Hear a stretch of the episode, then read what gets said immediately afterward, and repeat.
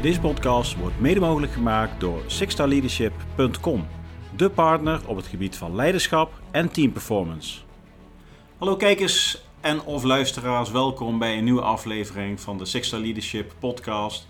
Het is eind augustus en we kabbelen langzaamaan naar het einde van de zomer. De scholen gaan weer open en het werk start ook weer op. Dus uh, tijd voor een nieuwe podcast. Ik heb de afgelopen weken uh, een aantal gesprekken opgenomen. En de eerste die nu online gaat komen is met, uh, met Niels Roelen. Niels Roelen is veteraan. Ik ken hem nog van meer dan tien jaar geleden. En nu is Niels schrijver. Hij schrijft voor dagbladen. En hij is ook schrijver van een aantal boeken. zijn bekendste boek is Soldaat in Oeruzgan. daarna heeft hij ook nog Leven na Oeruzgan geschreven. En nu is hij ook met een derde boek bezig. Uh, wat uh, volgend voorjaar uh, uit zal komen. Ja, dus zeker de moeite waard om op te zoeken, Niels Roelen.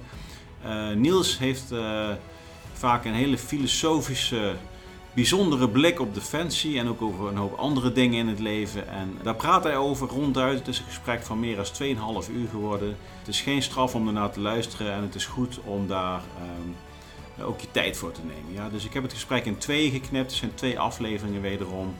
Uh, deel 1 zal iets meer als een uur zijn en deel 2 zal ook iets meer als een uurtje zijn. En uiteraard heb ik Niels gevraagd of je een aantal boeken beschikbaar wil stellen voor Six Leadership luisteraars of kijkers.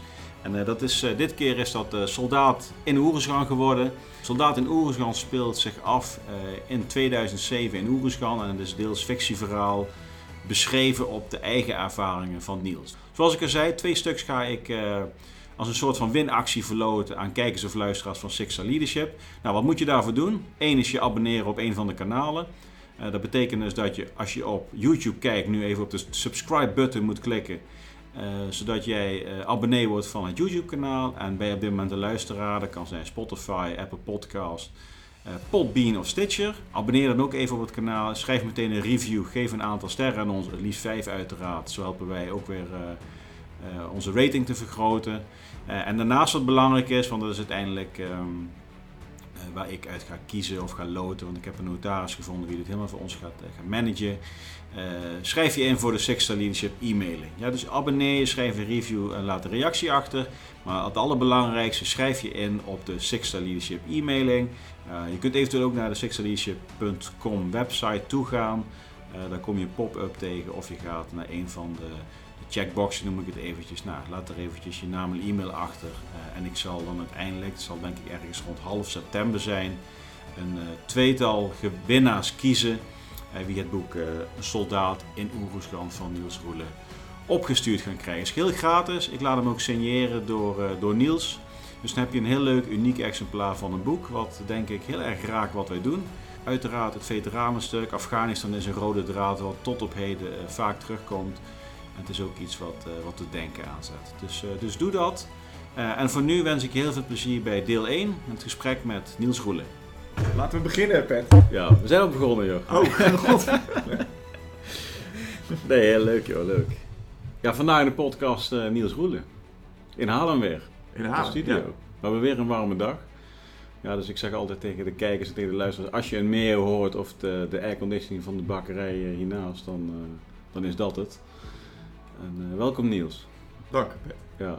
Ik hoor vooral de wind van het strand afkomen. Ja, dat is lekker hè? Die hoor je zo door de, tussen de gebouwen door hier. Ga je straks naar het strand toe? Nee, nee geen tijd voor, sorry. Nee. Meteen terug naar huis? Meteen terug naar huis. En uh, ja, dan ga ik weer aan mijn schrijftafel zitten. Ja, ja. je bent schrijver hè? Ja, tegenwoordig wel ja. Ja, ja. Ja Niels, wij kennen elkaar al uh, sinds 2005 denk ik. 2004, 2004, 2005 ben ik bij BVE gekomen. Dat kennen we sinds die tijd. Ja. Toen was jij volgens mij nog net uh, luitenant van de logistiek. Of net niet? Nee, net niet meer. Toen ben ik net plaatsvervanger geworden. Ja. Want toen kwam ik van het, uh, uh, van het beproevingsteam kwam ik af. Toen kwam ik uit Amersfoort. Dat klopt, ja. ja. ja. ja. Leuk dat je bent. Ja, dank. Ja. Leuk om dit te zijn. Ja, voor de mensen die jou niet kennen van al jouw boeken en de overige dingen die je doet, stel je eens kort voor. Ja, uh, ik, ik ben Niels Roeler. Uh, ik ben vader van Ties en Marijn. Dat vind ik eigenlijk het allerbelangrijkste van wat ik ben. Ja. Naast mezelf natuurlijk. Je bent de eerste gast die zijn kinderen in zo'n vroeg stadium benoemt. Dus dat is... Uh... Ja, maar goed, die, die, kinderen, dat is wat je, dat is wat je echt nalaat. Mm -hmm. je, gewoon, die, die gaan verder. En ja. wat je denkt en wat je doet, probeer je ze mee te geven. Dat lukt natuurlijk voor geen meter, zeker niet nu ze in de puberteit zijn. Eh, en eh, alle andere dingen zijn misschien bijzaken die doe je omdat ze voor jezelf leuk zijn. Mhm. Ehm, ik ben na 25 jaar eh, in dienst gezeten eh, te hebben, eh, ben ik fulltime gaan schrijven. En ik zeg voor de grap wel eens dat ik low budget rentenier ben. Ik Ja. heb een heel, heel laag basisinkomen, daar heb ik bad, bad en brood, kan ik daarmee Mhm. financieren. En dat geeft me de ruimte om, eh, om die passie schrijven Ja. eh, te volgen. Ja. Ja, maar rente niet betekent dat je niet, niet in het rood staat, dus dat is positief. hè? Ja, ja, dat ik al. ja, dat- ja. Dat is positief. Ja. Oké, maar jij, wanneer ben jij opgekomen dan? Als je 25 jaar, dan... Ik, ik ben nog dienstplichtig opgekomen eh, in eh, 1993, ligt Ja. in 93 4. 93, 4. Dus dat is april 1993. In, in de rol Bij, van... eh, eh, eh, in de rol van bestuurder Leopard 2. Ik had mijn VWO afgerond. Mijn vader dacht dat ik ging studeren. Mijn moeder ook. En ik dacht daar wat anders van. Ik denk, ik ga eerst een jaartje gewoon kijken Ja. wat ik überhaupt wil gaan studeren. Dus ik was gaan werken. Bij, bij Nintendo destijds. Eh, Zo had je zo'n spelletjeslijn, kon je bellen als je vast zit. En vandaar ben ik eens gaan kijken wat ik eigenlijk wilde gaan doen. Maar dan kreeg je een oproep voor de militaire dienstplicht. Als je niet ging studeren, kreeg je geen, eh, geen uitstel. Mhm. Dus ik ben een van de laatste der Mohikanen. Eh ik zag daar enorm tegenop. Het leger ingaan. Ik denk, Mhm. ja, wat moet ik daar nou? Wat doen ze daar nou? Maar ik ben wel van het type dat als ik dan toch moet, laat ik dan maar alles eruit halen wat erin zit. Dus ik koos ervoor om naar Zeedorf te gaan. Dat was al de dienstplichtigen die in Nederland bleven. Mhm.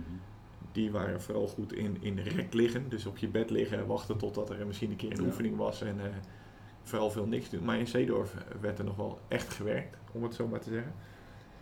Ja, daar heb ik meegedaan aan internationale verkenningswedstrijden.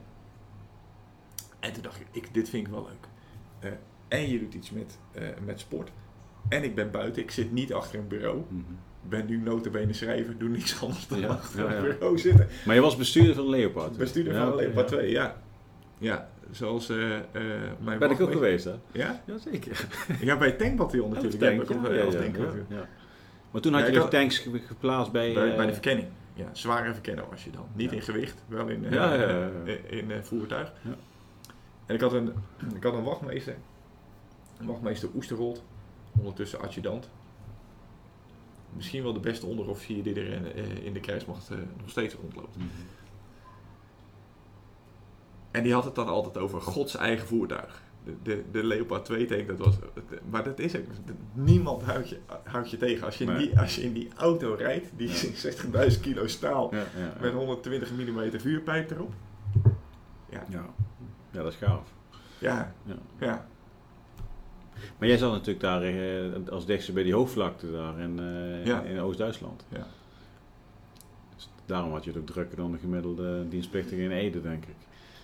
Nou ja, kijk, die dienstplichtigen, die konden ook iedere avond naar huis. En dat gebeurde ook veelvuldig, want het was toen niet meer verplicht om binnen te blijven. En dan had je sowieso, je zat eh, van maandag tot en met vrijdag. In, in Zeedorf was dat destijds niet rendabel. Mhm. Dus je zat drie weken eh, in Zeedorf en dan werkte je ook de zaterdagen werkte je nog. En dan was je, had je tien dagen vakantie. Zeg maar, had je tien dagen vrij, want die dagen had je opgebouwd. Mhm. Eh, en je sliep intern. Dat je met z'n allen bij elkaar, dat, dat, dat smeet ook een band. En eh, ja, er was veel meer bereidheid om, om, om aan oefeningen mee te doen. En ja, je, je, zat, je zat daar toch. Dus, eh, dus er, was gewoon, er heerste gewoon een andere mentaliteit. Je had volgens mij toen net niet meer eh Langermanshoofd op, op Berghonen was toen net Mhm. dicht, geloof ik. Maar, maar de Duitsland-eenheden waren wel de, de fanatiekere eenheden. En, en is dat ook de eenheid waar uiteindelijk BVE uit is voortgekomen? Ja, je had toen 103 verkenningsbataljon. Ja. En dat is later opgesplitst in... eh eerst eh, bleef het 103 verkenningsbataljon. En kwam dat terug naar, eh naar Soesterberg. En toen bleef 41 BVE. dat was een van de escadrons van Ja. eh 103. Bleef achter in Zeedorf. En die werd het eerste BVE. En de twee escadrons, de twee compagnieën... Die, eh, eh, die overbleven, die werden later eh 42 en 43 eh, BVE. Waarvan de ene naar Oorschot ging en de andere naar, naar Haafd. Nou, ja. Ja. Nou, ik ben één keer in Zeeland geweest. Dat was tijdens mijn allereerste onderofficiersborrel. bij 41 nog. Dus dat, dat was... Dat, dat is in november twee- 2004 geweest, denk ik. Ja. Allerlaatste keer, want daarna zijn hun ook naar... eh, toen is dat Istar geworden, of niet? Dat, dat, is- die Eh, ene, eh, toch? Nee, eh, 41 is nu volgens mij ondergebracht bij, eh, bij Luchtmobiel. Ja, maar die vallen wel onder iets. Ja, oké, ja, ja, ja. ja oké. Oké, maar dienstplicht, uiteindelijk heb je gekozen om... Ja, de, eh, de, de combinatie van, eh, van fysiek bezig zijn, Ja. eh, eh, mentaal grenzen verleggen. en ja, er worden toch eigenlijk stiekem best wel wat plannen bedacht in het, in het leger. En het vraagt meer van je intelligentie dan dat de buitenwereld vaak doet vermoeden. Toen al. Ja, toen al. Ja. Ja. Of misschien zegt het iets Of over nog mijn steeds. intelligentie. dat, kan, dat kan ook. ja. Dus nee, maar. ehm, eh, toen dacht ik, ja, misschien moet ik naar de KMA gaan. Dus ik heb gesolliciteerd op de, op de militaire academie in. Breda. En ben aangenomen. En, en vond een baan waarin ik ja, niet de hele tijd binnen hoefde te zitten. Mhm. Dat eh, doe ik nu hier. En dat lukt me tegenwoordig aardig om langdurig stil te zitten op een stoel. Ja. Maar er is wel 47 jaar overheen gegaan om dat eh, te leren. Dus, eh, Maar, maar voelde je aangetrokken omdat je een soort van, dat je ook eh, dat, dat militaire in je voelde? Of was het met name ook de combinatie van het kunnen studeren, het bezig zijn met, met, met mooie plannen maken, buiten zijn? nou, je had natuurlijk... ik ben in 93 opgekomen. Mhm. Ik heb me overigens nog aangemeld voor, voor Bosnië, maar dat hoefde later dat jaar niet meer. Ja. Ehm, want er gingen als dienstplichtige mocht je daarheen alleen heen als je eh, vrijwillig was. En dan eh, was overigens vaak in de verbindingsfuncties of eh, logistiek. Dus in die zin heb ik er niks aan gemist. Ehm, wat was ik nu aan het vertellen? Wat was ook weer je vraag? Dat is eigenlijk... Maar wat je aangetrokken voelde tot... ja, ja. oh ja, wat, dus wat er gebeurde is dat eigenlijk na die val van de muur in 1989, dit- het is eigenlijk heel grappig hè. Tot 1989 hebben we een vijand waarvan we weten dat hij nooit komt. Ja. En is er geld te over voor defensie. Ja. Nou valt die muur, die vijand valt weg en naar glasnost en perestroika en eh Gorbachev. En eh, eigenlijk is het leger een beetje doelloos geworden. En het is begrijpelijk dat er dan bezuinigd op gaat- gaat worden. Maar vanaf dat moment besluit Nederland als, als staat om zich meer te positioneren in eh, internationale rechtsorde, vrede en veiligheid. Mhm. En we gaan meer dan ooit tevoren eh, onze militairen wegsturen op missies die zorgen voor een veiligere wereld, voor het bewaken van de internationale rechtsorde. Dus waar we voorheen eigenlijk niet uitgezonden werden, er zijn natuurlijk een paar eh, kleine uitzonderingen als Libanon, geen kleine uitzondering trouwens, Libanon, maar Mhm. Ehm, wat zat daar eh, op de Golanhoogte? eh nou, dat, eh, hadden we wat, wat waarnemers. Ja. Maar waar we eigenlijk expeditionair lange tijd niks deden. En dat nu wel. We gingen het leger nu inzetten. En dat kost geld. Maar dat geld gaat er, eh, gaat er af. Maar ik vond het wel interessant. eh, dat dat leger expeditie. Dus het militaire, het aspect van, van missies. Ja, ik denk dat als je jong bent dat je eh, eh, ook avontuur zoekt. Mhm. En ik zag daar wel avontuur in. Ik was daar wel nieuwsgierig naar. Het avontuur meer. Ja, het avontuur. Ja. Maar je bent, je, we hadden het hiervoor even over Napoleon. Ja. Is dat, is dat iets wat, wat toch wel erin zit van ook echt die, die, die, die nieuwsgierigheid naar militair leiderschap en, en dat hele apparaat, hoe dat erin steekt? Wil je daar graag onderdeel van uitmaken of was het met name op persoonlijk vlak dat je dat aangetrokken werd? Nou, heel eerlijk, ik, had liever onderofficier geworden, omdat ik namelijk van het doen ben. En daarom Mhm. kan ik ook niet. Alleen toen de tijd, ik had een VWO-opleiding. Met een VWO-opleiding mocht je geen onderofficier worden, want dan was je te hoog opgeleid. Ja. Dus je- En ik wilde officier eh, worden en ik had een MAVO en ik ja, ook niet. ja. Ja. Ja. En, eh, dus ik kwam automatisch eh, op, de, op de KMA terecht. En ik, ik denk wel dat mijn mijn gevoel daarover van waarom ik graag onderofficier meer van het doen, meer van met je, eh, met je voeten in de klei staan. Mhm. Ik denk ook dat mijn dienstplichtige tijd, dus dienstplichtig huzaar soldaat zijn, op het allerlaagste niveau zelf gestaan hebben en leiding gekregen eh, hebben, wel bepalend is geweest voor hoe ik leiding heb willen geven. Mhm. Ik vraag nooit dingen van mensen die ik zelf ook niet ooit gedaan heb of waar ik zelf niet aan meedoe. Eh, eh, je moet weten wat het, wat het is. Mhm. Eh, als, je iemand met, als je denkt dat je iemand met de zweep kunt motiveren, dan is het verstandig om eerst eens gewoon een, een paar dagen te kijken hoe gemotiveerd jij raakt als je met Ja. zweep geslagen wordt. Ja. Ja. Eh, dus, en welke motivatie daar dan, daar dan achter zit. Ja. Dus dat, ja, voor mij heeft dat wel een, een rol gespeeld. En ik heb wel altijd eh, fascinerend gevonden eh, om met mensen samen iets te doen. Eh, dit, eh, ik, heb wat ik heb heel vaak gezegd dat leidinggeven gaat over, eh, eh, over je mensen kennen. Ik, dus dit is weer gitaar. Ik vroeg of jij Ja. gitaar speelde. Ja. Eh, kijk, er zitten zes snaren op een gitaar. Mhm. En om er geluid uit te krijgen, dat is geen kunst. Je pakt dat ding en of die nou gestemd is of niet, Ja. je rost je hand erover en er is geluid uit. Ja. Maar om de muziek uit te krijgen, moet je elke snaar afzonderlijk weten te bespelen. Mhm. Om mensen een opdracht te geven, heb je een stuk papier nodig of je stem of weet ik wat. Daar is geen kunst aan.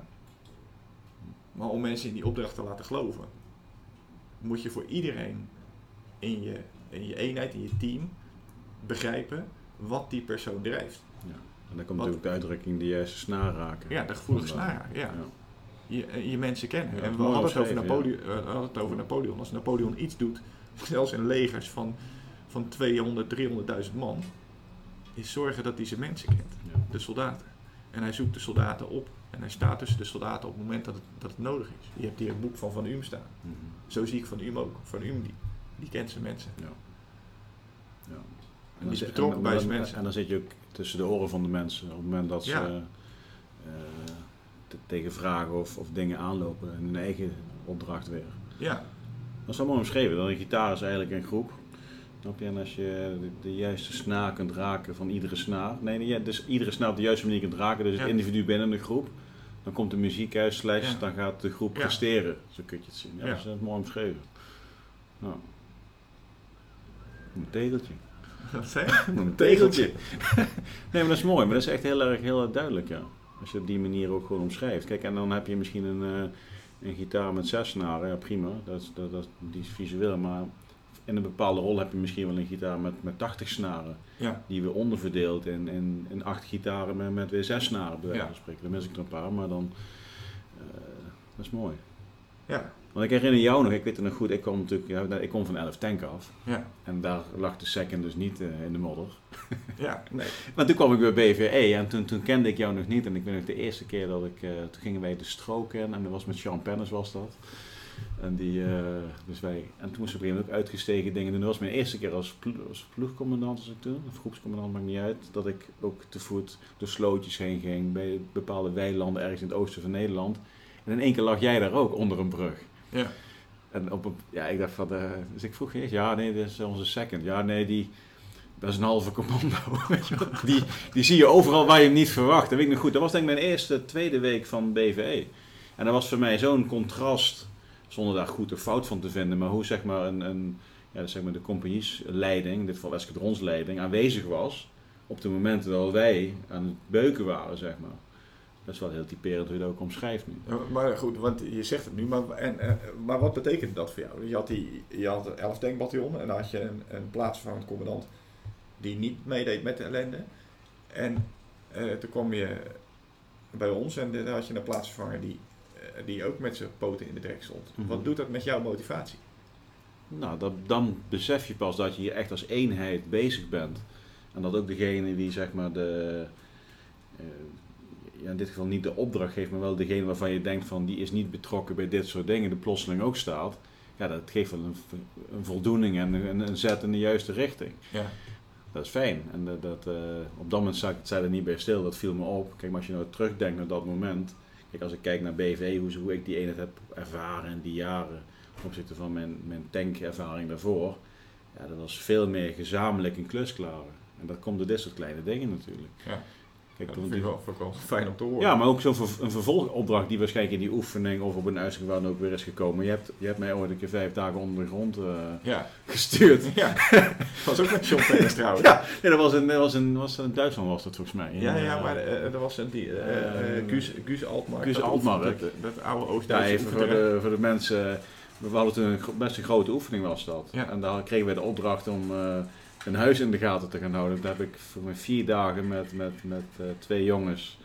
eh hebben dat huis onder waarneming gehouden. Kel gegraven, pisflessen mee. En Ja. hebben we daar gelegen.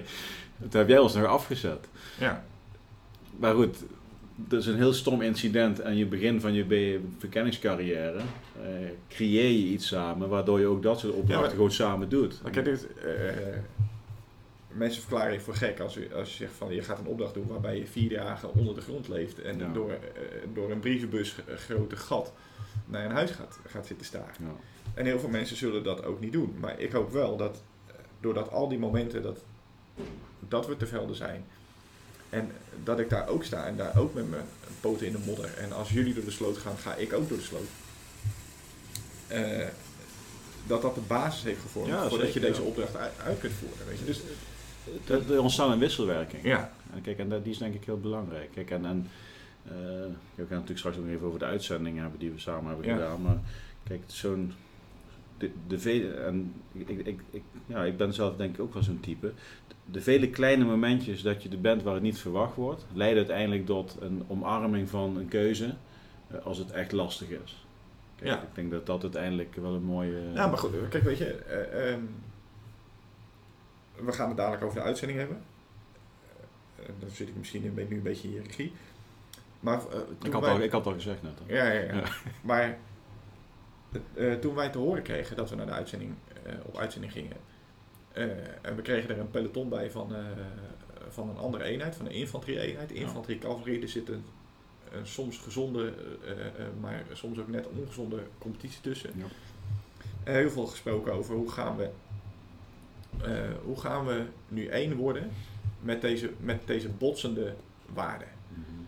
En heel vaak is het idee, eh cavaleristen dragen een zwarte beret en eh infanteristen niet.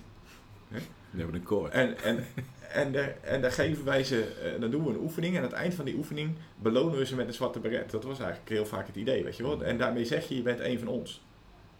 En toen zei ik tegen, tegen ons, kom, nee, daarmee zeg je, jij moet een van ons zijn. En niet jezelf. Ja, het zit hier, ja, maar wat gaan we dan doen? Ik zeg, ja, dat weet ik niet. Ik zeg, toen hoorde ik dat het, het 17e bataljon, die zijn van prinses Irene, die zijn aan land gegaan eh, eh, bij de Normandië-stranden. eh, en zij gaan daar ook altijd naartoe voor het halen van hun invasiekoord. De geschiedenis kennen. Mhm. Waar kom je vandaan? Is belangrijk om te weten wie, wie je bent. En ik hoorde dat een groot deel van die jongens nieuw waren en nog niet een invasiekoord hadden. En zeggen, wat is het beter dan naar Normandië te gaan, hun een thuiswedstrijd te laten spelen, dit is hun thuis, en ze aan het einde van die week hun invasiekoord te geven. Dat is wat zij willen, dat is wie, wie zij zijn. En dat heeft toen ook gewerkt. Maar het hele plan daarachter, dat verder niet verteld, eh, wij mochten daar overigens niet in militair uniform eh, Mhm. komen op, eh, op dat moment. Dus wij hebben een week lang die Normandië-stranden en eh, eh, dit is hier gebeurd. Wij hebben het aan het 17e verteld wat hun eenheid vroeger ooit meegemaakt heeft. Dus wij hebben ons in hun verdiept, wij komen naar hun toe. Die begraafplaatsen opgezocht. Daarachter zat ook iedere keer de boodschap: dit is de prijs die vrede kost. Mhm. Hoe wrang ook. En daarmee waren er mensen die dachten van ja, maar ik ben niet bereid om deze prijs te betalen. Met die mensen hebben we gesproken, die zijn ook verdwenen na die week. Even goede vrienden, hè. Maar ik heb liever iemand die weet waar die aan begint eh, en wat het eventueel kan kosten. Want Afghanistan was zeker niet misselijk. Maar de allerbelangrijkste reden, eh, want je hebt me daar ook overal en nergens gezien. Ik heb van iedereen, van alle 140 mensen die we ongeveer waren, heb ik gekeken, eh, hoe reageer jij op? Wie zijn de mensen die als op een terrasje eh, een drankje drinken en een ijsje eten. Geen Frans spreken, maar wel dat Franse meisjes proberen te versieren. Mm. Handen, voeten, een paar woordjes oppikken. Dat zijn namelijk ook de mensen die makkelijk, die willen contact leggen. Mhm. En die leggen dus makkelijk contact met burgerbevolking. En, eh, en dat kun je gebruiken. Wie zijn de mensen die chagrijnig worden eh, van verveling? Ja. Van niet kunnen roken. Van niet mogen drinken. En dat moet je weten. Want dan moet je, op, eh, dan moet je in bepaalde situaties op inspelen. En dan moet je kijken hoe je dat, hoe je dat weg kunt. Dus wij gingen daarheen als, als escadronsleiding, als escadronstaf, om al jullie allemaal te leren kennen. Ja. Hè, eh, En, en iedereen elkaar kan leren kennen. Ja, om, maar, wij gingen erheen om de gitaar te stemmen. Ja. Ja, nee, maar, ik- maar, ik, maar ik het heel is niet toevallig. Ik ga morgen drie dagen met mijn twee oudsten van acht en zes naar Normandië toe. Ja. Het is wel grappig dat het nu ook te sprake komt. Om, omdat ik weer even terug wil naar daarheen, weet je ook vanuit wat ik nu allemaal aan het doen ben, naar de stranden. En ik heb gezocht Ja. naar dat, dat hotel wat wij hadden, maar ik kon het niet vinden. Nee, want we zaten in een, eh, in een jeugdherberg. Ja, met allemaal In- die in- hele aparte bedstee. Maar Ja, ik heb Ja, we gaan naar dat- Bayeux, toen camping erbij. En, Dus, eh, eh, dus, maar ja, dat is... ja, ik weet het nog, kijk, want, eh, want eh, Stefan, Ja. Die, die was, ehm, die zat toen in een ander, ik ben toen bij het 17e peloton geplaatst. Eh, Ja. We zijn toen later ook nog naar de Ardennen geweest, weet je denk ik nog Ja. wel. En toen heb ik daar te horen gekregen dat ik uiteindelijk toch naar een BVE-peloton ging. Ja. Daar hebben we nog samen over gesproken toen. Eh, maar ik, ik heb daar ook voor, me- voor mezelf de eerste keer bepaalde mensen leren kennen binnen het escadron ook. Ja. Dus het heeft echt, het was een hele nuttige, nuttige exercitie Ja. om de, de snaren te stemmen. Ja. Want we zijn daarna ook naar de Ardennen geweest, toch? Ja, pff, waar zijn we niet geweest? Hebben we die route van Eh, Pijpen daar ook nog gelopen toen? In de Ardennen? ehm, gelopen? Bij, die, bij die, de, Ja. water, de watervallen van, eh van Co. Hebben, ja. hebben- hebben we daar toen niet... Met, oh, met de onderofficieren hebben zij dat toen geweest, volgens mij. Ja, dat, dat is een, eh, een, een TOS toen geweest, een tactische oefening ja, van de troepen. precies, ja. Maar dat was ook al met een nieuwe... Dat was onder leiding van Corné, Ja. volgens mij, onze opper. Ja. Ik ben daar wel... eh, ik ben daar niet de hele tijd bij geweest. Eh, en dat was ook afspraak, want het was onderofficieren onder elkaar. ja, dat klopt. En dat ging ook om dat jullie als onderofficieren ook met elkaar eh, kun, kunnen, moeten kunnen zijn. Ja, en daar heb ik Alta, Fijken en Ja. Marcel leren kennen. Ja. En Van- ken ik al van 11 Tank dan, die, die waren toen daar de eerste keer bij aangesloten. Ja. En de man is dan wel een mooie plek om eh, samen te komen, ook vanuit 17 en vanuit ons, zeg maar. Dat, Ja. eh, Ik was eh, vorig jaar, vorig jaar was ik er. Ben ik, ben ik er twee keer geweest zelfs. Eén keer eh, achter op de motor met een stel veteranen mhm, en één keer eh, op de fiets. ja. Met de, de Wounded Warriors ben ik meegefietst eh, vorig jaar. Eh, dat ga ik volgend jaar weer doen. En dat was 75 jaar geleden natuurlijk eh, dat eh, de landing in Normandië waren geweest. mhm. Dus we zijn in Normandië gestart. Hebben één dag rondgefietst in Normandië.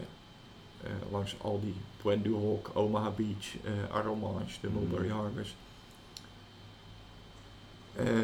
En toen zijn we vanuit Normandië teruggefietst naar, naar Oorschot. Ja. In, in etappes. Ja. En dat, dat is wel mooi, omdat het, eh, het gaat daar niet om het tempo. We zijn allemaal op een racefiets.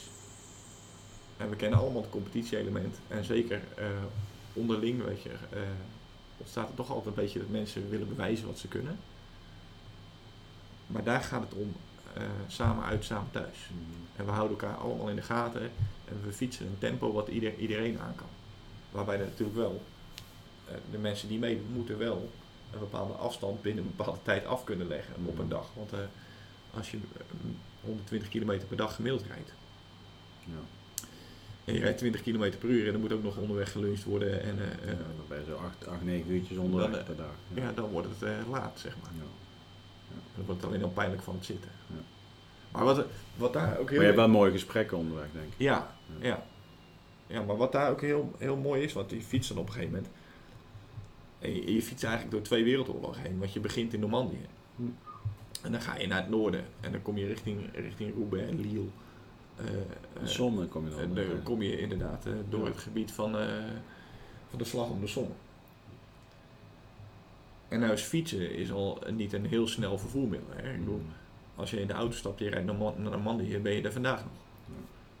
Op de fiets gaat je dat, dat niet, niet lukken. Nee. Maar dan kom je bordjes tegen, dan, dan fiets je daar. En, en eh, dat is het mooie van, van af en toe vertragen. Dan zie je de bordjes langs de weg, zie je echt. En de bordjes War Cemetery hier en War Cemetery daar. En, eh, eh, en de, nou ja, daar word je op een gegeven moment gewoon helemaal, helemaal gek van. Mm. Daar, daar je daar meer grafstenen dan gras, eh, lijkt het wel eens. En dan zie je bordjes, hier was het front op en een, een, een bepaalde datum. Op de fiets zie je dat, op de auto ben je daar zo Ja. voorbij. Dat is, eh, misschien ben ik te oud om dat dan nog te kunnen Ja. lezen de auto. dat. Ja. En dan ben je nog geen kilometer verder. En dan zie je hier was het front op een andere datum. Ja. En dan denk je, de eerste keer dat je het ziet, denk je, oh shit, ik heb die andere datum niet onthouden. Dan denk je, ja, ja het zal wel, weet je wel, eh, belangrijk om te melden. Hier was het front en dan komt er weer, en denk je, die hebben dus gewoon eh, eh, drie maanden gedaan 50 meter. over, over 800 Ja, meter. ja, ja. En het ging ook op en neer. Ja, Nog eens een keer. ja je, ik denk dat je zo terug ook kunt lezen. en dan denk je, Ja, dat, waanzin. dat, is, dat, is, dat is totale waanzin. Ja. Wie verzint dat? Ja. Welke leider doet, doet dat mensen aan? Wie verzon dat? Wie waren toen eh, de mannen die daar eh, aan het roer stonden? Die toen aan het roer stond. Ja? Nou ja, ja eh, je had natuurlijk de, de Duitsers die, eh, die een bepaalde expansiedrift had. En, eh, en je had een geallieerd leger wat onder leiding van de, de Fransen, de, de Britten, later ook de Amerikanen, tegenover stonden. Ook toen was Nederland al begaan met eh, de internationale rechtsorde en Ja. eh, eh, met het neutraal zijn. Nederland vindt neutraal zijn belangrijk. Nederland heeft ook heel veel Belgen opgevangen toen. In de Eerste Wereldoorlog. En Nederland heeft van alles opgevangen. Ja, ja. Maar kijk, er, er is een interessante historische roman, dus dat is een verzonnen verhaal, gebaseerd op daadwerkelijke geschiedkundige feiten. En die heeft mijn, mijn kijk op de Nederlandse politiek eh, wel een beetje veranderd. Mm.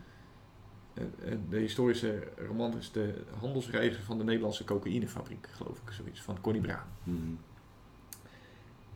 En Nederland handelde in pijnstillers. En destijds was cocaïne nog een legale pijnstiller. Men wist niet dat dat verslaafd was. En het zal Nederland ook niet zijn met onze eh, eh, drugsbeleid. Komt ergens vandaan. Maar waar kwam de beste cocaïne vandaan? Toen niet uit Colombia, Nee. maar die werd in, de- eh, werd in Nederland gemaakt.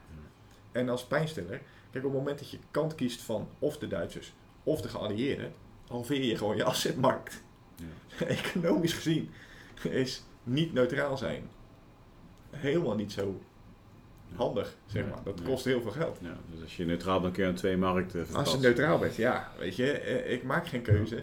eh, dus ik mag en aan de Duitsers verkopen. En, en weet je wat, ik verkoop pijnstillers, hè. Mm. Die zijn bedoeld voor de mensen die gewond zijn geraakt, die het slachtoffer zijn van mensen die niet neutraal zijn. Ja. Dus eh, ja, Dat wist ik helemaal niet. nee. Ik weet wel dat het, eh, de, de, in de Tweede Wereldoorlog het Duitse leger ook vol zat met eh, een soort van verdovende middelen om, om gas te blijven geven. Dat klinkt heel fout, gasten, maar in ieder geval. ja, Om, ja Maar als je, als je kijkt naar de ontberingen van in die, in die loopgraven. mm, eh, dat is natuurlijk het fantastische eh, boek eh, eh, Am Westen nicht Neues mm, van Camargue. Een, een Duitse soldaat in de, in de Eerste Wereldoorlog. Die beschrijft de totale waanzin van, van oorlog. Mm. Die gedreven wordt door politici die zelf niet aanwezig zijn in, in die oorlog. Die beschrijft ook, hij is een kort moment mag hij, mag hij thuis zijn. Ik geloof omdat hij gewond geraakt is en, en moet herstellen.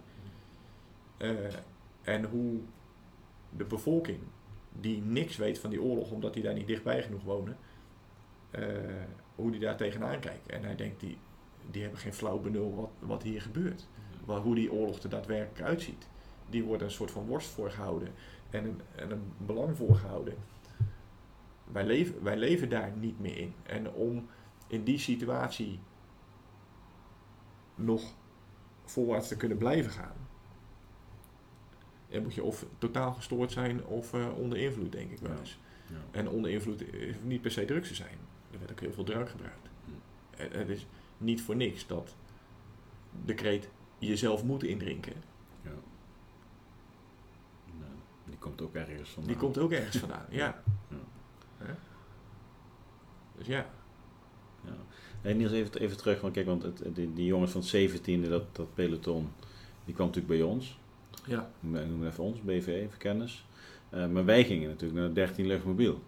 Is Ja. eigenlijk een soort vanzelfde Ja. samenvoeging van twee verschillende kleuren baret.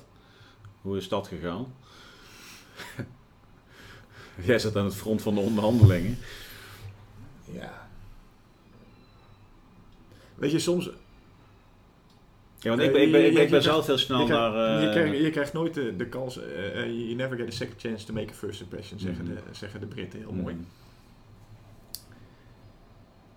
En eh, wij, wij, wij moesten toen voor de eerste keer naar, naar Assen, naar, naar eh, het 13e eh, bataljon. En die hadden niet zo goed nagedacht over eh, hoe gaan we hier nou een team van smeden. Die dachten eigenlijk, eh, wij zijn een beetje de elite van, eh, eh, wij zijn het beste bataljon van, van de luchtmobiele brigade, dat vonden ze zichzelf. mhm. En het is een eer dat jullie hierbij aan mogen sluiten. Nou, dat, zeker met de commandant die wij zelf toen hadden, Mhm. was dat al tegen de haren in. Dus we hebben een commandant van, de, van het 13e en een commandant van het BVE, eh, die allebei goede commandanten zijn, maar wel ook eh, nou, best wel alfa-mannetjes allebei. Mhm. En ik weet nog dat ik in de auto zit en, eh, en het met, met onze commandant Henk heb over... Oké, wat even... Henk, er zijn een aantal dingen. Ik kan die heel goed van je hebben. Mensen die jou niet kennen... Die zullen dat mogelijk interpreteren als, eh, als arrogantie. Dat is goed dat je dat zegt. En, en dat, was, dat is echt mooi aan, aan Henk. Heel veel mensen weten dat niet. Maar hij is best wel directief als commandant. Maar hij luistert wel naar wat je, naar wat je zegt. Hij doet er wel echt eh, wat mee. Ja. Dus hij, was, hij kon ook heel goed kon die, eh, dit soort feedback hebben. Ik kon hem, ik kon hem keiharde feedback geven. Zo eh, onderling. Dus we hebben in de auto naar Assen, dat is best een eindje vanuit de oorschot, hebben we daar goed over gepraat. Nou, dat gaan we dus niet doen. En het eerste wat die andere commandant doet, niet wetende hoe, hoe Henk is, is die eh, het alfa karakter van Henk triggeren met een of andere opmerking. Ik weet het, ik weet het niet meer, maar eh, Ja. nou ja, basically, mijn pik is groter dan de jouwe. Mhm. Het, de reactie van Henk, puur vanuit, weet je, op het moment dat iemand jou een tik op je vingers geeft, dan Ja, ga je niet dan- eerst dan- en zeggen van, nou dat vond ik niet zo prettig, kun je me uitleggen waarom je dat Ja, doet en waar heeft het mee te maken? Er zijn mensen eh, die dat kunnen, maar in dit geval niet. Ja. Die zijn over het algemeen boeddhistisch monniken en hebben daar jaren voor gestudeerd. Ja. Type zoals ons. ja. Maar, Maar wie, wie, was, maar- wie was commandant van Legend? eh, Jelte Groen, later Oh, Jelte commandant Groen, van, eh, van de KST geworden. Ja. Eh, en die had natuurlijk in Srebrenica, tijdens de val van Srebrenica, was die compagniescommandant geweest. Eh, dus die had zelf ook al het nodige, het nodige meegemaakt. Maar ja, dit- ik, ik merkte dit gelijk. Dit waren gewoon twee katten met hoge ruggen en, eh, en opstaande staarten en al haar naar buiten. Mhm. En dat is nooit meer goed gekomen. Nee. Dus, ehm, dus dat is wel, wel moeilijk geweest. En kijk, wij, wij hadden het over die jongens van het 17e, die wilden we vooral infanterist laten. In, in hun terrein laten. Eh, het 13e bataljon lijfde ons in. We kregen toen zo'n oefening. Eh, en toen kregen wij ineens van de luchtmobiele, eh, de test die iedere luchtmobieler moet doen in zijn eerste eindoefening, die moesten wij gaan doorlopen. Dan, wa- want dan waren we ook luchtmobieler. En wij waren geen luchtmobielers, wij waren verkenners. En als je ons afrekent op het feit dat je out of the blue ons ineens een oefening lang eh, dingen gaat doen waar je niet voor getraind bent. En je zegt, ja, er vallen wel veel mensen uit. Ja, de. Weet je, ik ben aardig getraind met fietsen. Ja. Maar als je mij het trainingsprogramma van Tom Dumoulin geeft, Ja. dan ben ik na een week ben ik ook, kun je me bij elkaar vegen. En dat is eh, verkenners en luchtmobiele mensen zijn allebei soldaten. Mhm. Maar hun functie en hun taak en eh, hoe ze optreden is heel is, anders. is heel anders. En dus, eh, ja, ik. En, en daar, zijn, daar, zijn toen een hoop, daar zijn toen een hoop dingen misgegaan. En dat, heeft, in die uitzending heeft dat volgens mij constant een rol gespeeld. En een rol van wantrouwen. Hè, aan de ene kant het wantrouwen van jullie zijn niet capabel, want jullie kunnen niet wat wij luchtmobielers kunnen. Hè, dat hebben jullie bewezen, jullie hebben daarin gefaald. En aan de andere kant het wantrouwen van eh, jullie waarderen ons niet voor de kwaliteit die wij hebben. En juist in een missie in Afghanistan, die eigenlijk een soort van missie is die verkenners op het lijf geschreven is. Omdat het namelijk een constante ge- gebiedsbewaking is. Ja. Dat is een van onze hoofdtaken als verkenners. Een van onze modus operandi. Zij zouden heel veel van ons kunnen leren. Mhm. Maar dat willen ze niet. Want jullie kunnen niet eens eh, te voet met, eh, met een 120 kilo rugzak eh, een week lang rennen. Niet iedereen, nee. Nee. Niet, niet, niet als, zeg maar, als basis. Ja. Nou ja, en dat is ook nog interessant hè. Dat heel veel mensen haalden dat wel. Maar ze kijken naar die drie die uitvallen in het peloton. Dat is meer dan bij ons. Ja, Ja. Ja. Maar dat was bataljonsniveau in dit geval. Ja, dat, dat was hoe- wat ons, eh, maar, maar dat werkte door in, in de, in de compagnie. En jullie hadden. Jij ging natuurlijk naar, naar Derenwood. Dus Ja. eigenlijk een beetje een, een enclave eh, op zich. Eh, en die, die commandant van jullie, Erik Brakert, die werd een beetje alleen gelaten. Mhm. Die werd aan zijn lot overgelaten.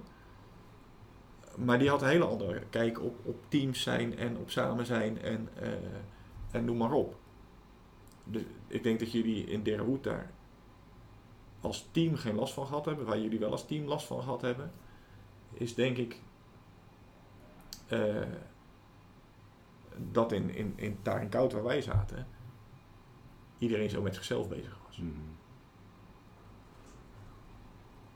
En daarmee het, het grote plaatje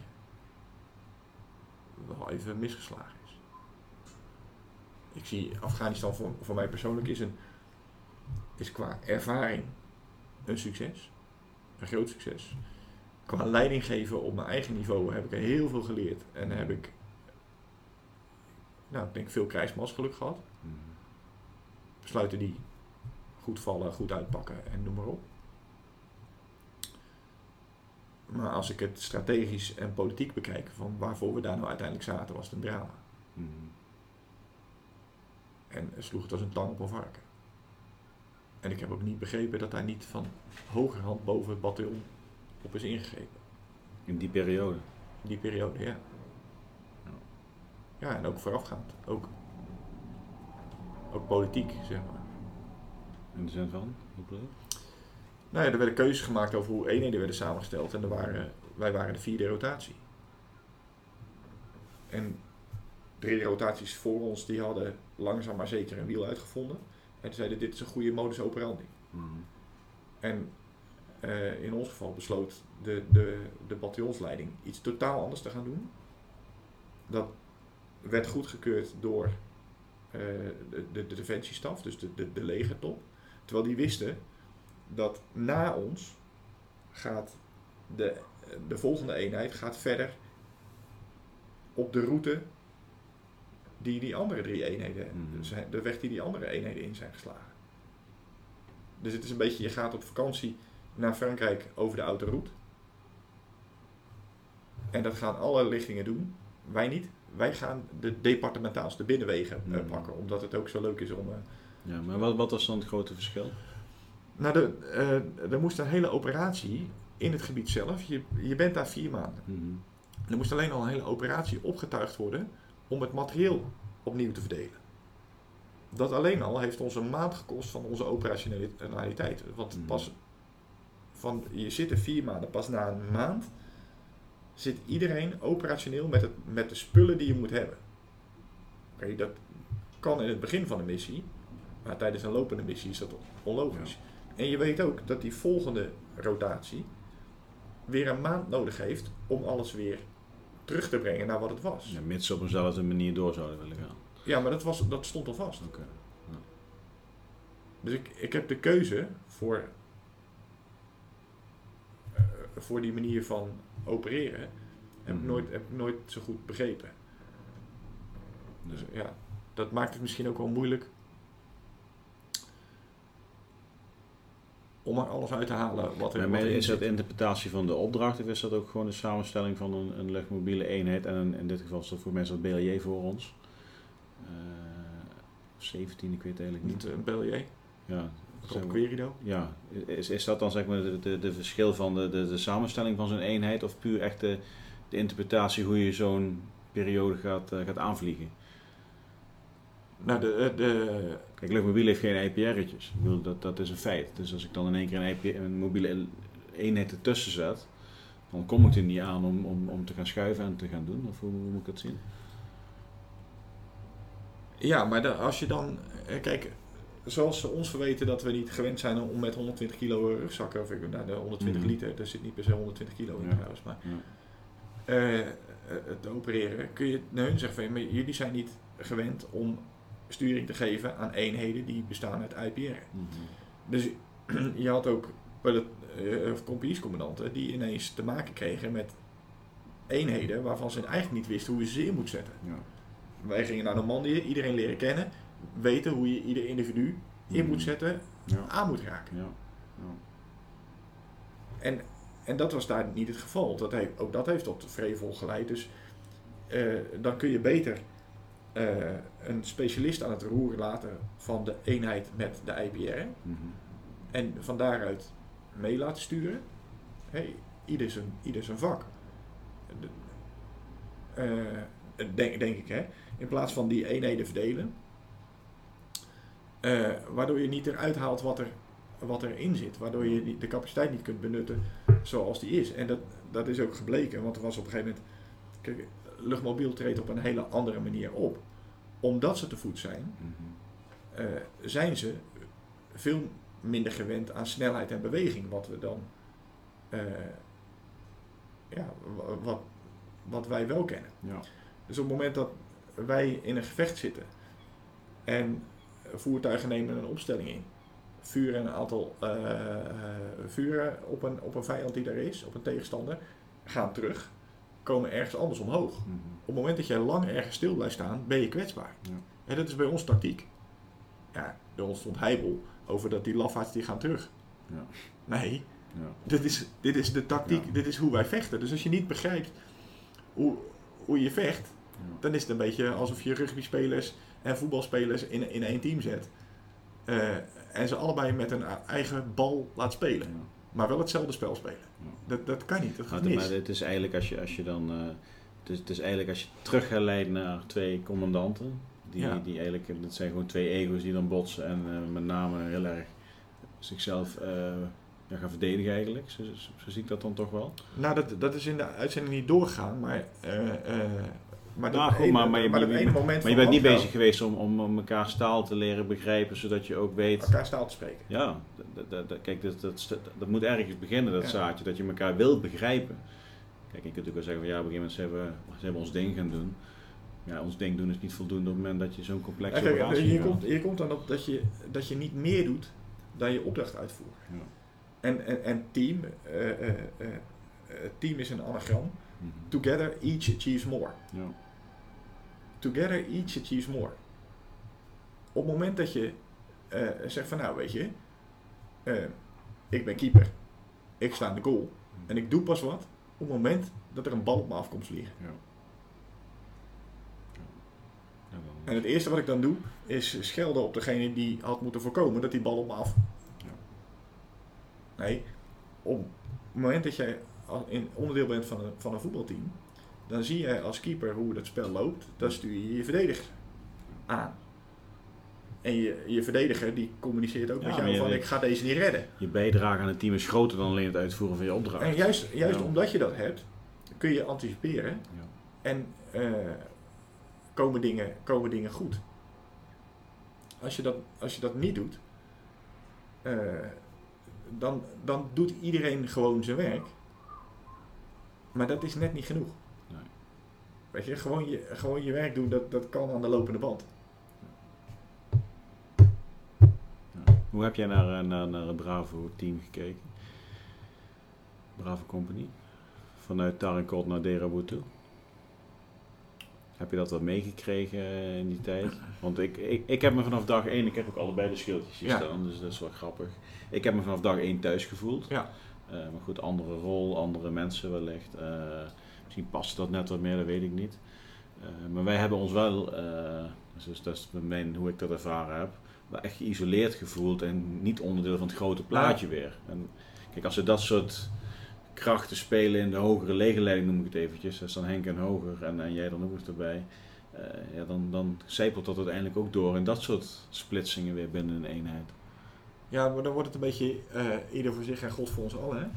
Hè? Ehm, kijk, bij jullie, bij, bij, bij het Brave team in, in Derawood, daar ging het al vrij snel eh, mis. Hmm. Eh, en dat begon iedere keer. We hadden, er was zo'n zo'n crossing, de Tutu crossing. Eh, die, kun je ongetwijfeld kun je die dromen de weg daar naartoe. Ja, dat is linksachter, ja. Ja, ja, ja, hij hangt hier aan de muur. ja. Ehm, en, en bij jullie is het vanaf het begin af aan is het alle hens aan dek geweest. Mhm. En dat is ook iets waarmee je best wel sterk teams vormt. Als je, als je niet anders kunt Mhm. dan op elkaar. Je moet wel. Ja. Dan, eh, dat is de kracht van een ontgroening van een studentenvereniging. Je, je pakt een, een, een heel jaar en die laat je iets ondergaan. Eh, en wat je, buiten dat je wilt dat die mensen lid worden van jouw studentenvereniging, wil je dat ze als jaar een eenheid vormen. Dat ze samen, dat ze samen sterk zijn. Dat, hier maak je vrienden voor het leven en dat gebeurt. En dat, dat, hè, onder druk wordt alles vloeibaar, maar dat komt door je onder druk te zetten en je te dwingen je als één geheel te gaan, gaan inzetten. Dus dat is wat bij jullie gespeeld heeft. Ehm, En die basis moet eigenlijk al gelegd worden in Nederland. ja, maar die zou je niet per se op deze manier hoeven leggen. Nee. Als er, ik zou, als er geen tijd is, dan zou ik dit drukmiddel, Ja. eh, denk ik, gebruiken. Maar ja, dat is iedere situatie natuurlijk weer anders. Maar daar zou ik er best voor kunnen kiezen om, eh, eh, om juist door iedereen onder druk te zetten, één gezamenlijke vijand tijdelijk te creëren. De, de Ja. compagniestaf of de bataljonstaf. Of, eh, dat maken jullie tot een, tot een vuist, tot een eenheid. Ja. Ja. Ehm, en en, en dan, dan kun je dat gebruiken. Als je tijd hebt, zou ik graag die tijd benutten. En op een andere manier. En dan komt dat moment van dat je eh, iedereen onder druk zet, eh, komt op een, op een andere manier, op een ander tijdstip, op een. eh, en dan, dan ben je veel verder. En dan heb je denk ik een veel langduriger, succesvol team. Dus, maar goed, er gebeurt bij jullie van alles. Op een gegeven moment overlijdt ook Martijn Rozier, explosief. En daar zijn ook mensen van jullie bij betrokken. En in alle briefings van wat er in het gebied gebeurt, zijn jullie dagelijks nieuws. Heel vervelend, maar het is Mhm. waar. En op een gegeven moment, jullie zijn natuurlijk ook een voertuig eh, eh, kwijt. En er moet een voertuig vanuit daarin koud naar jullie gebracht worden. En ik hoefde daar niet mee naartoe. Maar ik heb het er met Henk over gehad. En eh, wij vonden allebei. Er zit een peloton van ons, van het BVE, jullie, met Dave, jij, Stefan, Roepen van de Voort. eh, onze mensen, Ja. weet je, die, die wij echt kennen. Ja. En we willen weten hoe het met jullie gaat. Ik kan je, ik kan je leven daar niet veranderen. Maar iemand van ons moeten jullie even in de ogen gekeken hebben. Mhm. En we willen dat jullie weten dat, dat wij het weten. Ja. Dat wij het zien. Dus ik heb die kans aangegrepen om, eh, om mee te gaan naar, eh naar Derawood. En we hadden daar gelukkig een paar dagen tijd. Dus ik kom mee met jullie naar Patrolbase Volendam. En van Volendam rijd ik, rijd ik terug. Ja, ik maak daar zelf ook het meest heftige moment van mijn hele leven misschien wel tot Ja. nog toe mee. Wat het nog makkelijker maakte om te vertellen wat er bij jullie gebeurde. En ik, waar ik dus, we hadden het over Napoleon, staan waar je, waar je mensen zijn, waar, waar je mensen in gevaar zijn. En, en heel toevallig ben ik op, op die plek. Weet je. Ik ben ook wel iemand die daar normaal voor zou kiezen, maar eh, eh, in Afghanistan kiest het gevecht jij, Mhm. jou. Mhm. En ik, en ik ben daar toevallig. En jij bent daar ook op dat moment tijdelijk onzichtbaar voor mij. Ja. Met alle gevolgen, met alle gevolgen van dien. Eh, en daarmee kun je vertellen wat er bij jullie gebeurt. En, en kan ik hopelijk iets veranderen aan hoe er gekeken wordt naar wat er bij jullie aan de hand is. En dat heeft ook geresulteerd in volgens mij een inzet van, eh, eh, van de Special Forces uiteindelijk bij jullie in het Mhm. gebied. Ja. En wat jullie hebben uiteindelijk... eh Derahout hadden jullie twee punten in hand. Kamp Volendam in het noorden. En Camp Helien jullie vaste basis. Ja. En ook, ook daar. Het gebiedje werd steeds kleiner. Ja, het gebied, ja. ja. Het werd een beetje een vacuüm. Nee, de, de, rond die tijd werden inderdaad eh, zelfs de raket op het, onze grote kamp afgeschoten. Ja. dus dat is, eh, en toen is inderdaad volgens mij die gecombineerde mariniers slash eh, comma- KCT-club, die zijn toen uiteindelijk eh, bij ons in het gebied gekomen. Maar weet je wat, wat interessant is? Ik, heb natuurlijk ik, ik heb deze, eh, deze passage heb ik op verzoek van een krant heb ik die opgeschreven. Mhm. En ik beleef die passage natuurlijk zoals vanuit mijn perspectief. Ik weet ook niet alles. Hè. Ik Nee. krijg radioberichten mee, maar ik krijg niet alles mee. En ik heb niet het overzicht en ik ken het gebied niet zo goed als, als jullie. En, en de roepen van de Voort, en een van de andere eh, sergeanten, die was heel erg boos over wat ik, eh, wat ik beschreven had. En ik was daar een beetje ver- verbaasd Mhm. over. En toen merkte ik dat hij, hoe ik het had opgeschreven had, heel anders gelezen had dan, dan dat ik het bedoeld had. Ja. Ehm, en, en dat is. Ik bedoel, Ik, ik geloof niet in alternative truths. Er zijn presidenten die, die, die preken het. Eh, maar van bepaalde belevenissen is er inderdaad ook maar één waarheid. En dat is, dat is jouw waarheid. Mhm. En ik, daar heb ik ook van geleerd. Want met, met roepen heb ik echt wel even eh, eh, uitgevochten.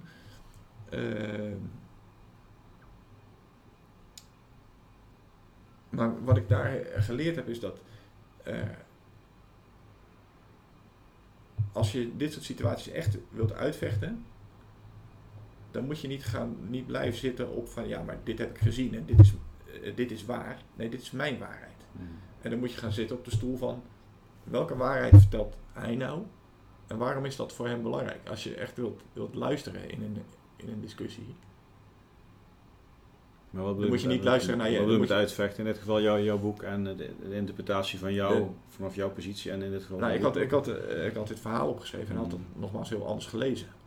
En kan ik eh, eh, twintig keer tegen hem zeggen, maar zo heb ik het niet bedoeld en dat staat er niet. Ik vind nog steeds dat er niet staat wat hij dacht dat er stond, namelijk Mhm. dat hij een lafaard was. Mhm.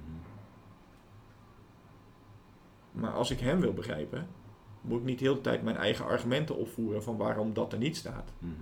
Moet ik luisteren naar wat zijn argumenten zijn, waardoor hij het gevoel heeft dat het er wel staat. Ja. En wat, wat mijn waarheid is, doet op dat moment niet ter zake. En dat mis je heel vaak in een, in een debat tegenwoordig. Eh, politieke leiders die met elkaar in debat gaan, die zijn constant alleen maar hun eigen Mhm. standpunt aan het zenden. En ze luisteren naar jou niet omdat ze geïnteresseerd zijn in wat je vertelt en omdat ze denken van eh, wat zit daar nou in? Wat, waar kan ik het mee eens zijn?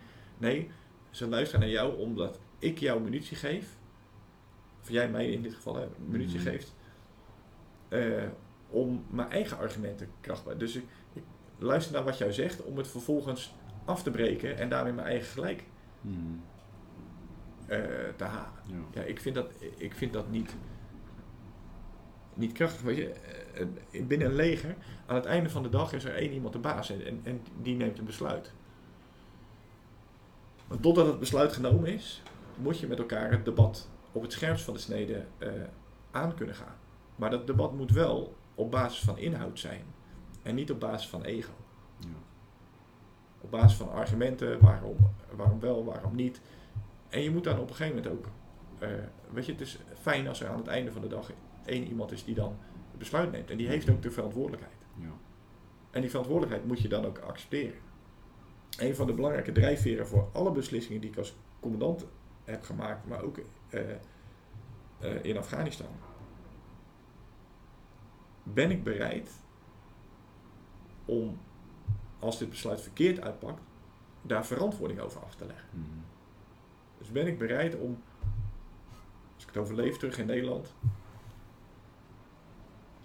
als mensen me daarop bevragen, weet ik veel, parlementaire eh, enquête of eh, eh, ook te zeggen wat ik Ja. gezegd heb. Ook uit te leggen waarom ik dit besluit heb genomen. Zul je altijd ja zeggen, denk ik. Als je terugkijkt. Als je, als je jezelf altijd Ja. die vraag hebt gesteld, dan neem ik aan dat je de keuze niet gemaakt zou hebben op het moment dat het nee zou zijn, toch? Nee, dat, dat- maar, maar kijk, de vraag stellen is, eh, en, en, en ter plekke met ja beantwoorden is Mhm. heel makkelijk. Maar het daadwerkelijk ook doen. Mhm. Ja. Eh, ehm, dus het is, natuurlijk zijn er momenten dat je helemaal geen, niet zoveel tijd hebt om daarover na te denken. En dan handel je.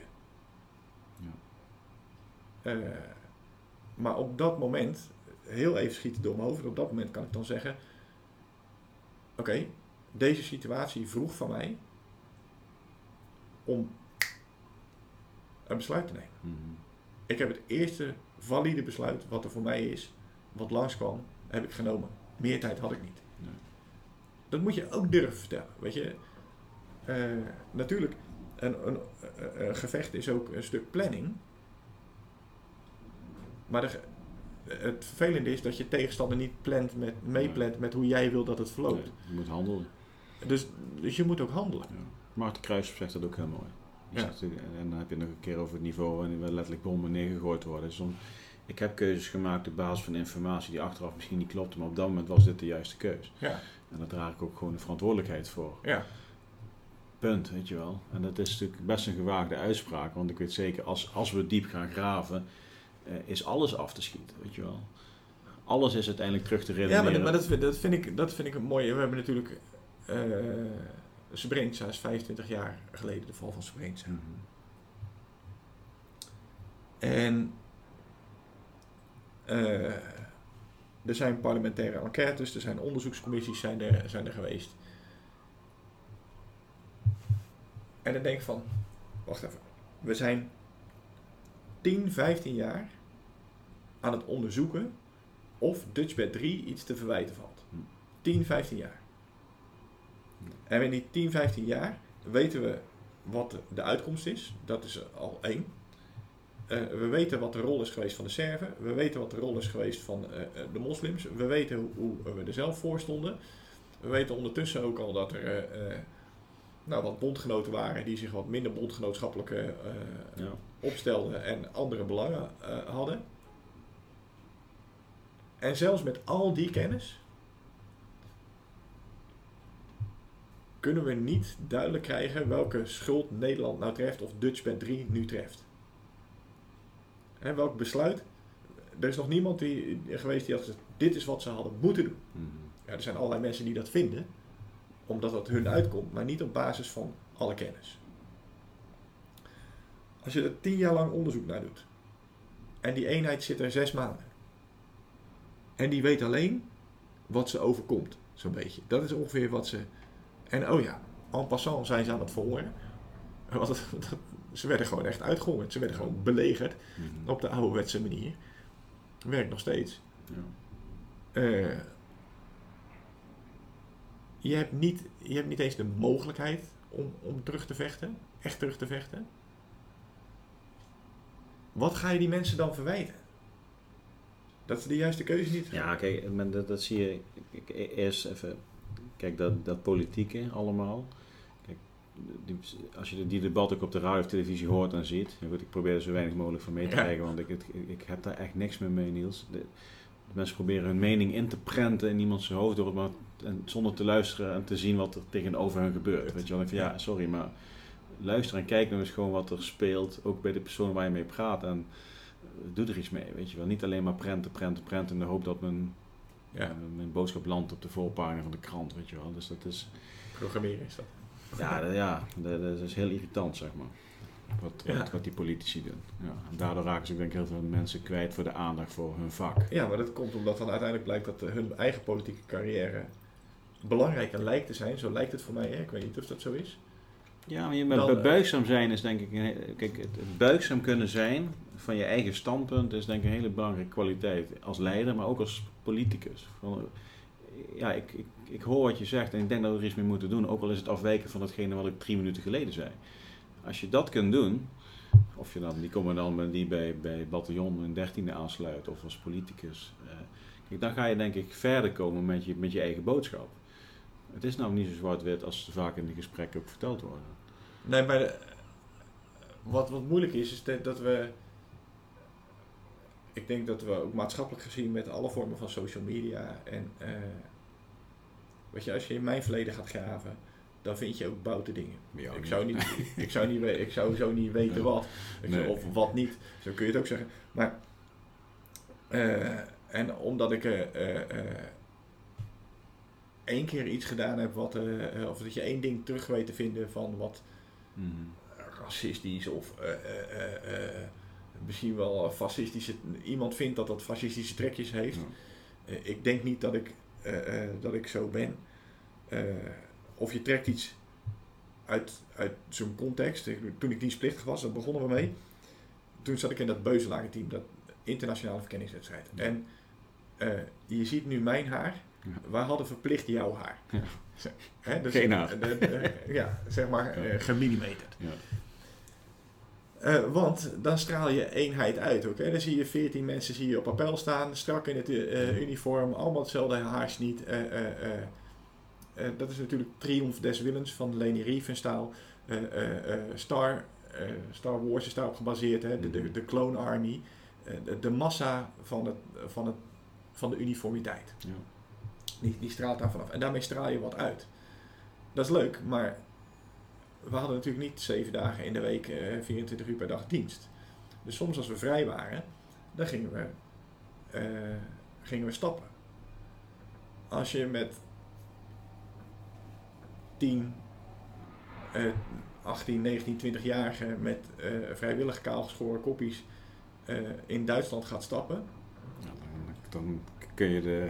dan kom je niet elke discotheek eh, eh, eh, Nee. binnen. Hè? Dus wij gingen al in, in kleinere groepjes van twee, drie, gingen we dan los van elkaar die eh, discotheek binnen. Stade, Danspalastas, Metropool. Ja. Maar binnen zochten elkaar natuurlijk weer op. En dan krijg je allerlei mensen die, die naar, je, naar je toe komen. En dan in Duitsland kreeg ik dan de vraag... Bist du neonazi oder was? Wat ik dan niet weet wat dat Nee, was. is Ik het ben Niels. dus eh, ja, en in het begin leg je dat nog wel een beetje uit, weet je wel. Net zoals dat als je je been gebroken hebt, dan is de eerste eh, eh, tien keer een spannend verhaal om te vertellen Ja. hoe je je been gebroken hebt. Of het nou spannend is of niet. En voor de rest aan alle mooie vrouwen die, die ineens aandacht voor je hebben en je zielig vinden. Ja. Maar na die tiende keer begint het echt vervelend te worden, die uitleg. Mhm. Voor die mensen is het de eerste keer dat je iets vertelt. Eh, voor jou al de twintigste keer. En ik ben natuurlijk begaan met een eh, welgevormd reukorgaan. Ja. Dus op een gegeven moment was ik het wel, wel zat. En dan kreeg ik die vraag weer, wie is toen neonazi? Oh, dat was dan zeg ik, nee, Joden! En dan schrokken ze helemaal. Als, je, als je dat gefilmd zou hebben toen, Ja. en je zou dat nu afspelen, oeh, oeh, oeh, oeh. Ja. Eh, ja, weet je, maar eh, volgens mij, eh, ik ben niet zo bijbelvast, maar hij die zonder zonde is, eh, werpt bij de eerste steen. Ja. Volgens mij gaat het altijd om hoe je nu tegen die situatie aankijkt. En of je dat nu nog steeds zou doen. En wie ben je... eh, misschien he- heeft dit me wel gevormd. juist door... door dit mee te maken en dit te doen. En te denken van... "Hmm, Nou ben ik... Weet je... Dat was leuk toen ik, toen ik twintig was en student was. Maar als ik dat nu, dit soort grappen nu zou, eh, eh, zou maken Zou- eh, bij de anders af- directie, zou het bij anders de- afvliegen? Bij de directie van van weet ik veel waar, Philips, weet je, Ja. dan, dan is dat niet meer handig. En dan snap, je niet, dan snap je niet dat je geen puber meer bent. Dan ben je gewoon niet volwassen geworden. Dat is een, alsof dat overigens zo'n streven moet zijn, maar dan kunnen we met niemand meer iets. En dat is, Ja. dat maakt dingen ook wel lastig, waardoor mensen ook een ongelijk niet meer toe kunnen geven. Mhm. Want als je toegeeft dat je dat gedaan hebt, ja, dan ben je afgeschreven, doe je Ja. niet meer mee. Ja, maar dus kijk, dat Srebrenische onderzoek, eh Niels. Kijk, je- moet dat willen onderzoeken. eh, om Ja. te weten wat we ervan kunnen leren en hoe we bepaalde mensen kunnen helpen. Punt, weet je wel. En, en, en niet wie de schuld vraagt of wat dan ook. Het moet niet gaan inderdaad om wie is hem. schuldig. Nee, het gewoon, wat, wat kunnen we ervan leren met z'n allen? Dus geef alsjeblieft zoveel mogelijk informatie naar ons. Maar waarbij laat wel- ons helpen leren en dan, gaan, dan kunnen we je Ja. ook beter helpen. Nee, goed, maar goed, eh, eh, daar moet je het voor doen, weet je, om, om te leren.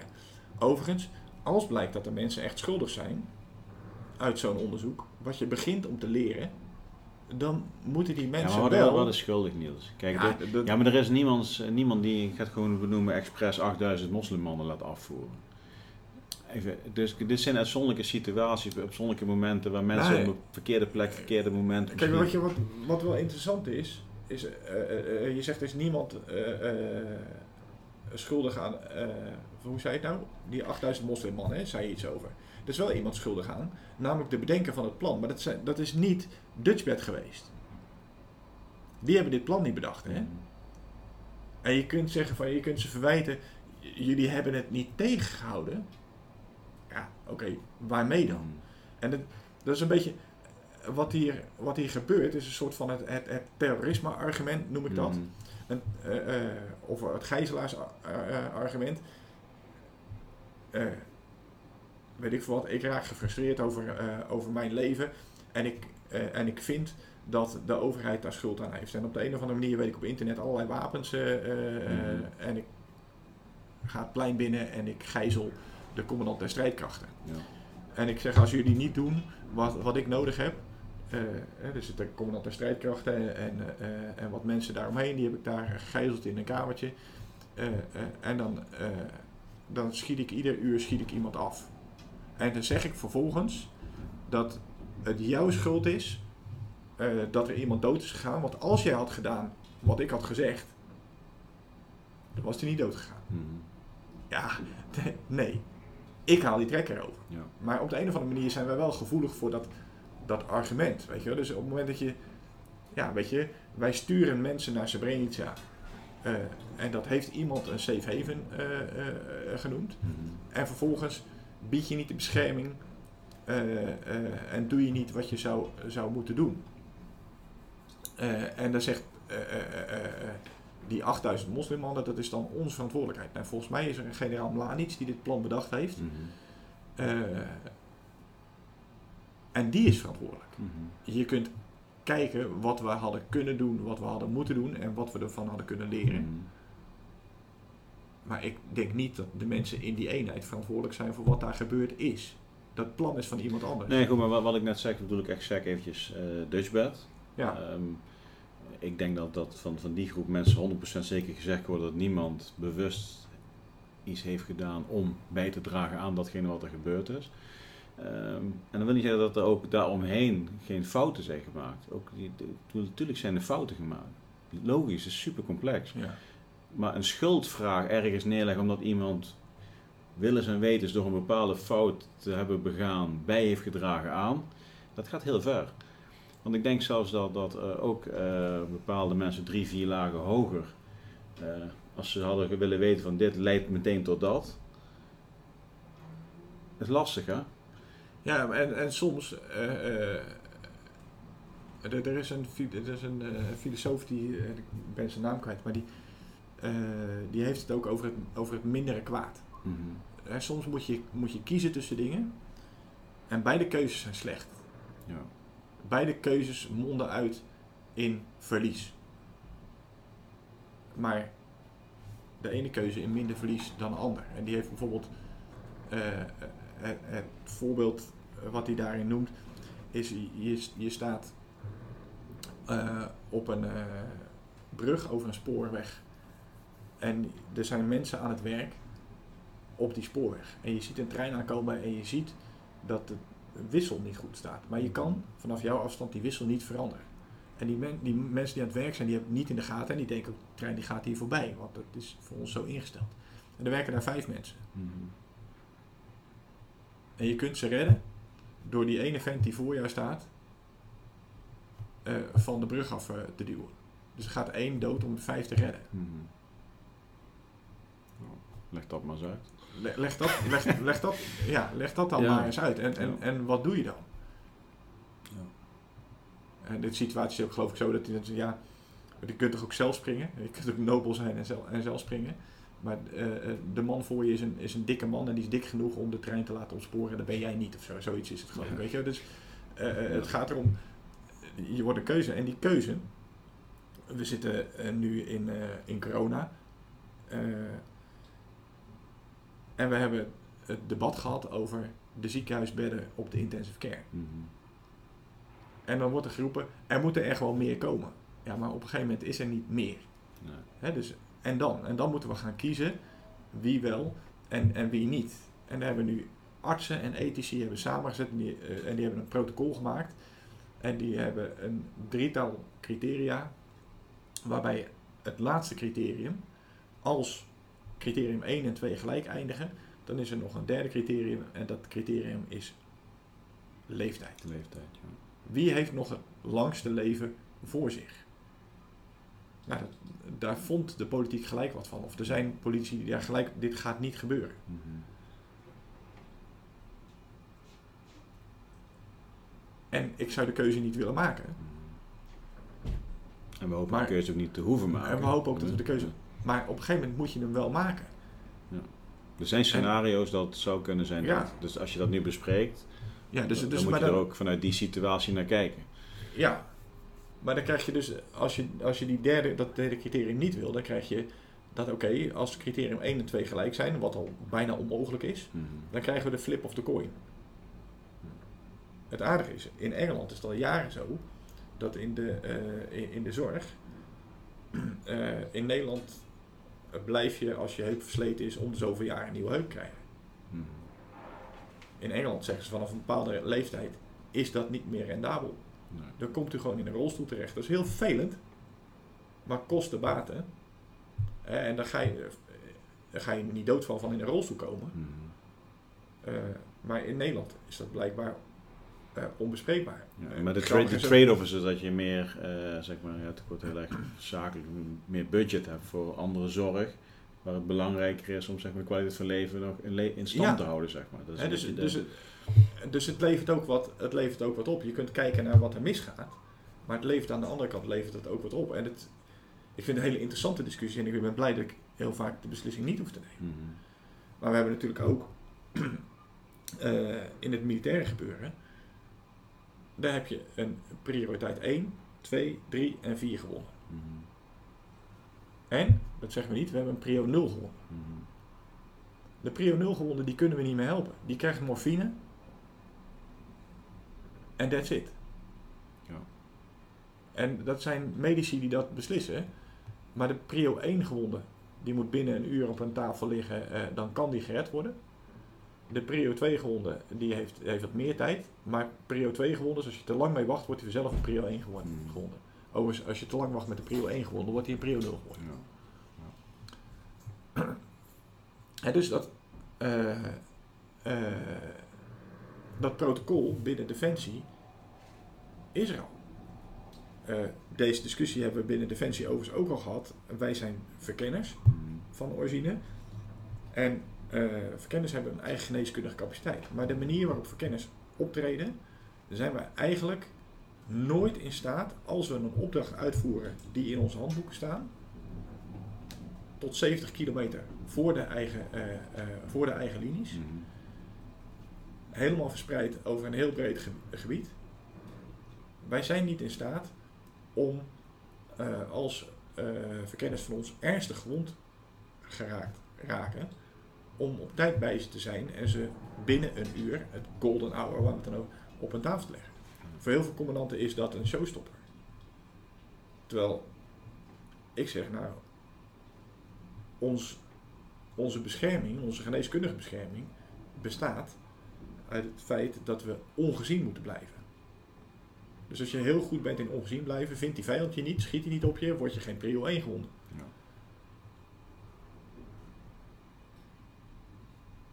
En dat is, daar moet je je bewust van zijn. Mm Weet je, dat, uh, ik, ik, wil jij niet het recht opnemen op een operatie, op verzorging, en ik ga in een oefening echt niet uh, ervoor zorgen dat de geneeskundige voorzieningen er niet zijn, want in het echi heb je die ook niet. Mhm.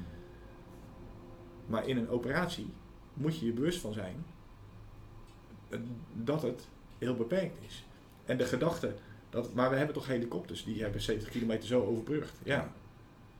Maar om een helikopter in een grootschalig conflict met een ander land uh, eh, 70 kilometer diep achter vijandelijke linies in te zetten, moet je met F-16's een corridor vrijmaken. Dan moet er een helikopter in.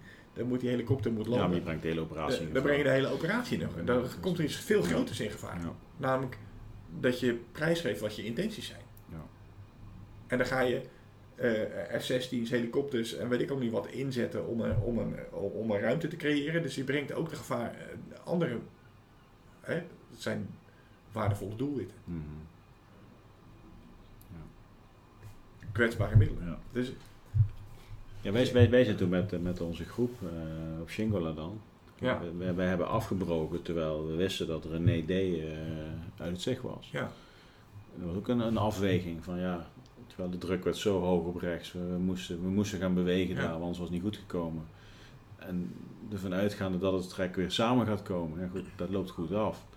dat is ook een afweging van ja, eentje uit het zicht, twijfel hoe het aan gaat. Of blijven zitten met z'n allen, waarschijnlijk sitting duck worden, 360.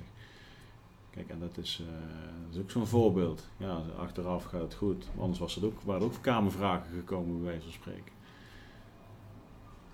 en, ja. dat, en, dat, verhaal is ook pas, pas, pas, is pas heel laat ook ehm, echt bekend geworden, ook, ook binnen, binnen, binnen onze eigen eenheid, weet je wel. En, en ook, kijk, ik heb heel veel contact nu met die jongens.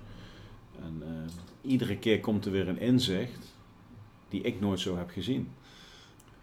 Nee, maar, maar, maar, maar daar zijn we terug bij waar we waren. Van, weet je, iedereen, uh, je zit allemaal in diezelfde situatie. Ja, de interpretatie is de, echt... De, uh, de, interpretatie is aan, aan de persoon zelf. En dat heeft ook te maken met wat je rol is.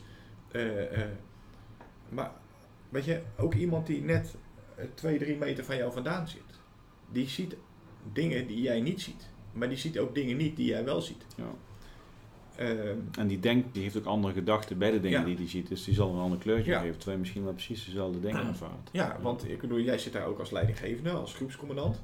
Dus jij, uh, uh, jij hoeft niet alleen, jij kan niet alleen aan jezelf denken, jij moet ook aan de groep denken. Mm -hmm dus, en dat denken aan die, aan die, eh, aan die groep. Uh, ja, goed, uh, wij zaten niet zo ver bij jullie vandaan, het contact was verbroken. Mhm. En op een gegeven moment zie ik dat, dat waar onze vijand zit en waar wij heen schieten, dat is waar wij daarachter, net daarachter, is waar we het laatste contact hebben gehad met jullie. Ja, ja kogel discrimineert niet. Nee. die komt net zo hard op jou aan als op de vijand. Die gaat gewoon de weg totdat hij ergens stopt. Ja. En uh, uh, dan wordt er ook besloten om alleen te vuren als je, een, als je een clear shot hebt en zeker weet dat het, dat het vijand is. Mm -hmm. Terwijl de vijanddruk naar voren komt, is dat best een heftig besluit. Er is ook even wat weerstand tegen. Maar dat is, dat is van heel die korte, dit is wat je nu doet. Mm -hmm. en einde discussie, dit is gewoon hoe we het gaan doen, weet je wel. En een minuut of tien later besluiten we om toch te vuren. We hebben nog steeds geen contact met jullie. Mhm. Jullie zouden daar nog steeds kunnen zitten. Dan komt er ook heel even een ja maar. Ja, maar ja maar, uh, die, nu kunnen we hem hebben. Maar als we nu niet voor aan onszelf beginnen te denken, mhm. egoïstisch uh, gaan zijn, ja. dan hoeven we ook niet meer te ja maar. Weet je, en dat, ik denk dat het verschil tussen besluiten nemen eh, eh, civiel voor bedrijven eh, en, en in een militaire omgeving of soms in een politieke wereld, is dat je besluiten neemt over, over dingen die bijna, ongrijp, die bijna ongrijpbaar zijn. Die gaan over leven en dood van een Mhm. tegenstander, van je eigen mensen. Dat- dat zijn prioriteiten die, die, je, die je moet stellen. En, en ja, nogmaals, ben je bereid om dat besluit Mhm. uiteindelijk uit te leggen? Ja. En ze zijn ook niet altijd zichtbaar of tastbaar voor de personen die er daadwerkelijk een keuze over moeten maken. Dat, dat zie je ook veel. Ja. Kijk, in dit geval hebben we het dus over het, het schietincident in, eh, in Afghanistan. Goed, daar heb ik mijn moment en mijn beelden bij. Nou goed, jij zat links van mij. Ehm, goed. Daarboven zit een commandant die op een gegeven moment keuzes moet gaan maken. Nou goed, we hebben gelukkig in de militaire commandolijnen kunnen Ja. redelijk snel met elkaar een soort van eh, eh, schakelen waar- welke kant je uit wil gaan. Eh, in, in het bedrijfsleven, ehm, die persoon die bij die klant zit, die weet wat er speelt. Ja. Diegene die de strategie bepaalt voor het 2021 jaar, die gaat daar vaak helemaal overheen.